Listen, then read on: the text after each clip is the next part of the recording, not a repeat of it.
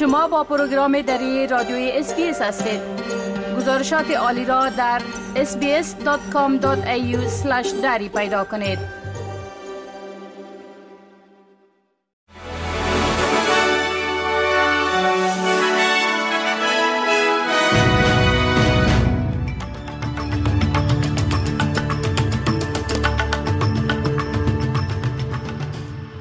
من فضیلت تصمیم هستم و شما را به شنیدن رویدادهای مهم روز دعوت می کنم. اسرائیل دو گروگان اسرائیلی ارجنتینی را که توسط حماس در عرفه نگهداری می شدن در یک عملیات نجات که منجر به کشته شدن 74 فلسطینی در شهر جنوبی غزه شد آزاد کرد. جایی که حداقل یک میلیون غیر نظامی از ماها بمباردمان به دنبال پناهندگی بودند. این ماموریت توسط نیروهای امنیتی اسرائیل، خدمات امنیتی شینبیت و یک واحد خاص پلیس فرمانده سیمون مارمن 60 ساله و لویز هیر 70 ساله را آزاد کرد. آنها در میان 250 نفری بودند که در جریان حمله هفته اکتبر به اسرائیل توسط غیر نظامیان حماس که باعث جنگ اسرائیل در غزه شد دستگیر شدند. بنیامین نتانیاهو نخست وزیر اسرائیل از موفقیت این عملیات استقبال کرد. We're in a day of joy mixed with sadness. Joy over the rescue of our hostages and sadness over the loss of our soldiers. But I want to tell you that the release of Luis and Fernanda is one of the most successful rescue operations in the history of the State of Israel. با گفته مقامات صحی غزه از آغاز جنگ تا کنون بیش از 28 هزار فلسطینی کشته و نزدیک به 68 هزار نفر زخمی شدهاند. رئیس اداره پناهندگان فلسطینی سازمان ملل متحد می گوید مهم است که اتحادیه اروپا ظرف چند هفته آینده بودجه کمک به مردم فلسطین را آماده سازد زیرا اسرائیل برای حمله زمینی احتمالی به رفع آمادگی می گیرد. این اداره امداد رسانی پس از آن بودجه بیش از دوازده کشور را از دست داد که مقامات اسرائیلی ادعا کردند دوازده نفر از سیزده هزار کارمندان این اداره در غزه در حمله هفته اکتبر دست داشتند. این مقامات اسرائیلی هنوز شواهد در حمایت از اتهامات خود علیه اداره امدادرسانی سازمان ملل متحد ارائه نکردند اما مدعی است که حدود 672 میلیون دلار از بودجه به دلیل خارج شده است. یوزف بورل مسئول سیاست خارجی و امنیتی اروپا می گوید اگر رهبران نگران کشته شدن بیش از حد مردم در فلسطین هستند باید در مورد مقررات تسلیحاتی به اسرائیل تجدید نظر کنند. Everybody goes to Tel Aviv begging please don't do that protect civilians don't kill so many How many is too many? Which is the standard? But Netanyahu doesn't listen to anyone. They are going to evacuate. Where? To the moon? Where are they going to evacuate these people? So if the international community believes that this is a slaughter, that too many people are being killed, maybe they have to think about the provision of arms. همچنان در گزارشی از بی بی سی آمده است که آقای یوز بورل در انتقاد تنده به جو بایدن رئیس جمهور امریکا گفته است که صلاح کمتری به اسرائیل بدهد. او گفت نتانیاهو به حرف کسی گوش نمی کند و می خواهد مردم را از غزه بیرون ببرد. اما به کجا؟ به کره ما؟ آقای بوریل این اظهارات را در کنفرانس خبری پس از نشست غیر رسمی وزیران اتحادیه اروپا با فلیپ لاتزارینی رئیس اداره امدادرسانی سازمان ملل متحد به فلسطینی ها در بروکسل ایراد کرد. او همچنان گفت بگذارید منطقی باشیم.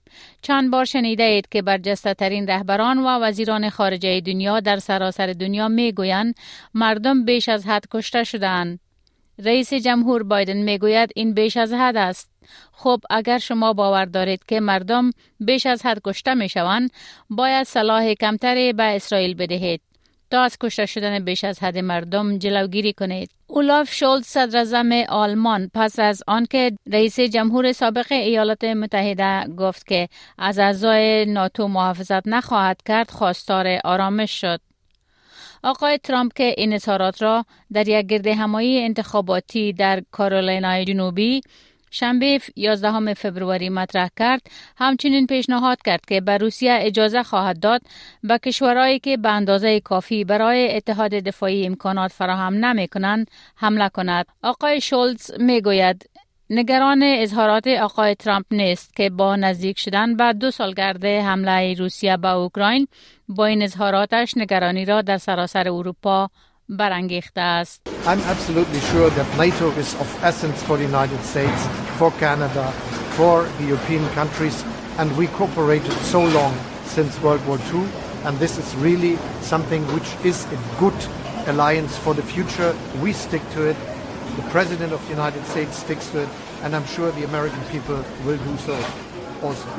این در حال است که روسیه خواستار تشکیل جلسه شورای امنیت سازمان ملل متحد شده و اوکراین را به عدم پابندی به توافقنامه مینسک 2014 متهم کرده است تا از تهاجم خود به اوکراین دفاع کند. نگرانی های مطرح شده است که پیشرفت آهسته در پیگرد قانونی استرالیایی های متهم به جنایات جنگی باعث شده است که برخی از آنها بدون پیگیری به کشورهای دیگر فرار کنند. دایوید شوبریج سناتور حزب گرینز این اتهامات را در جلسه سنا مورد سوال قرار داد و ادعا کرد که تعداد از 19 سرباز نیروهای خاص مزنون به ارتکاب جنایات جنگی در افغانستان استرالیا را ترک کردند. کریس موریتس رئیس عمومی بازرسی قانونی از تایید این تعداد خودداری کرد اما گفت دفتر او در حال تحقیق در مورد افرادی است که در کشورهایی هستند که ممکن است روابط استرداد با استرالیا نداشته باشند. سناتور شوبریج همچنان ادعا کرد که برخی از آنها به عنوان مستخدمین کار کردند اما آقای موریتیز می‌گوید که او از این موضوع به اطلاع است. حکومت کوینزلند قرار است قوانینی را برای ممنوعیت فروش چاقو و سلاح به افراد زیر سن قانونی در پاسخ به مشکل مداوم جرم و جنایت جوانان معرفی کند. پس از افزایش جرایم استفاده از چاقو پلیس کوینزلند درخواست صلاحیت بیشتر برای انجام بازرسی سلاح بدون حکم قانونی کرده است. صدر ایالت کوینزلند استیون میلز می گوید حکومتش قصد دارد این اقدامات را در اسرع وقت تصویب نماید. All of these actions fit within our broader framework of preventing, intervening and detaining where necessary. If we can stop the sale of a weapon to a young person, then we will have prevented a crime. If we can monitor them on bail and stop them breaching their bail, then we will have intervened to stop a crime. But none of these things can replace the role of detention where that is required. اداره امنیت ملی استرالیا می‌گوید با وجود جنگ در خاور میانه و اتهامات همکاری یک استرالیایی که گفته شده برای یک سازمان تروریستی می جنگید خطر تروریسم در استرالیا افزایش نیافته است. اما امکانات تهدیدهای تروریستی موجود است. رئیس اداره امنیت ملی استرالیا مایک بورگس به مجلس سنا گفت هیچ دلیل برای نگرانی در مورد افزایش خطر در استرالیا وجود ندارد. جیمز پترسون سخنگوی امور داخله از حزب اپوزیشن فعالیت یک مرد استرالیایی را که ادعا می شود برای حزب الله می جنگد مورد پرسش قرار داد در حالی که استرالیا این سازمان را به عنوان یک سازمان تروریستی توصیف می کند. حکومت استرالیا همچنان مرگ دو شهروند استرالیایی برادران ابراهیم و علی بزی را در حمله هوایی اسرائیل در جنوب لبنان قبل از کریسمس تایید کرد. ممنوعیت کامل آتش سوزی برای اکثر نقاط استرالیا امروز سهشنبه دستور داده شده است. این اولین گرمای شدید برای ویکتوریا از سال 2019 به این طرف است. اداره هواشناسی می گوید درجه حرارت در ناحیه ملجورا به 41 درجه سانتیگراد خواهد رسید. همچنان خطرات آتش سوزی برای مناطق ویمیرا و مالینیز موجود است. کریس گادفرید از اداره هواشناسی می گوید درجه حرارت برای اکثر نقاط ایالت ویکتوریا بالاتر از 30 درجه خواهد بود. It really is a um, potentially quite nasty day uh, across uh, quite a wide swath of the, uh, the the state. But I'd say that risk is higher uh, based on the on the ratings in that sort of uh, west to northwest part of uh, Victoria, where the temperatures are set to be highest. وزیر مهاجرت استرالیا بارها در پارلمان در مورد نحوه برخورد حکومت با بازداشت شدگان مهاجرتی که پس از حکم دادگاه عالی در سال گذشته از بازداشت نامحدود آزاد شدن مورد سوال قرار گرفته است. به 36 نفر از 149 نفری که آزاد شدن گفته شده است که نیاز به استفاده از دستگاه های نظارت بر پاهایشان ندارند. در حالی که اسناد نشان می دهد که بیش از نیمی از آنها به جرم حمله و جرایم خشونت آمیز از جمله آدم ربایی و سرقت مسلحانه محکوم شدند.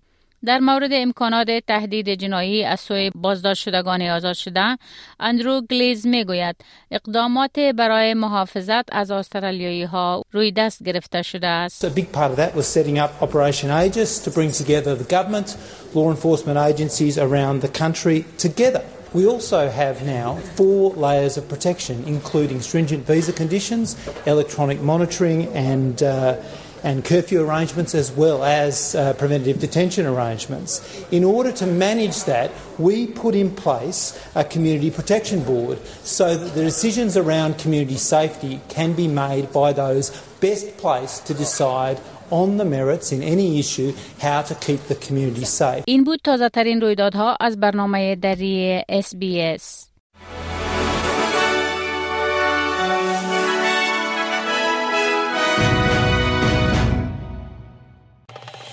بپسندید شریک سازید و نظر دهید اسپیس دری را در فیسبوک تعقیب کنید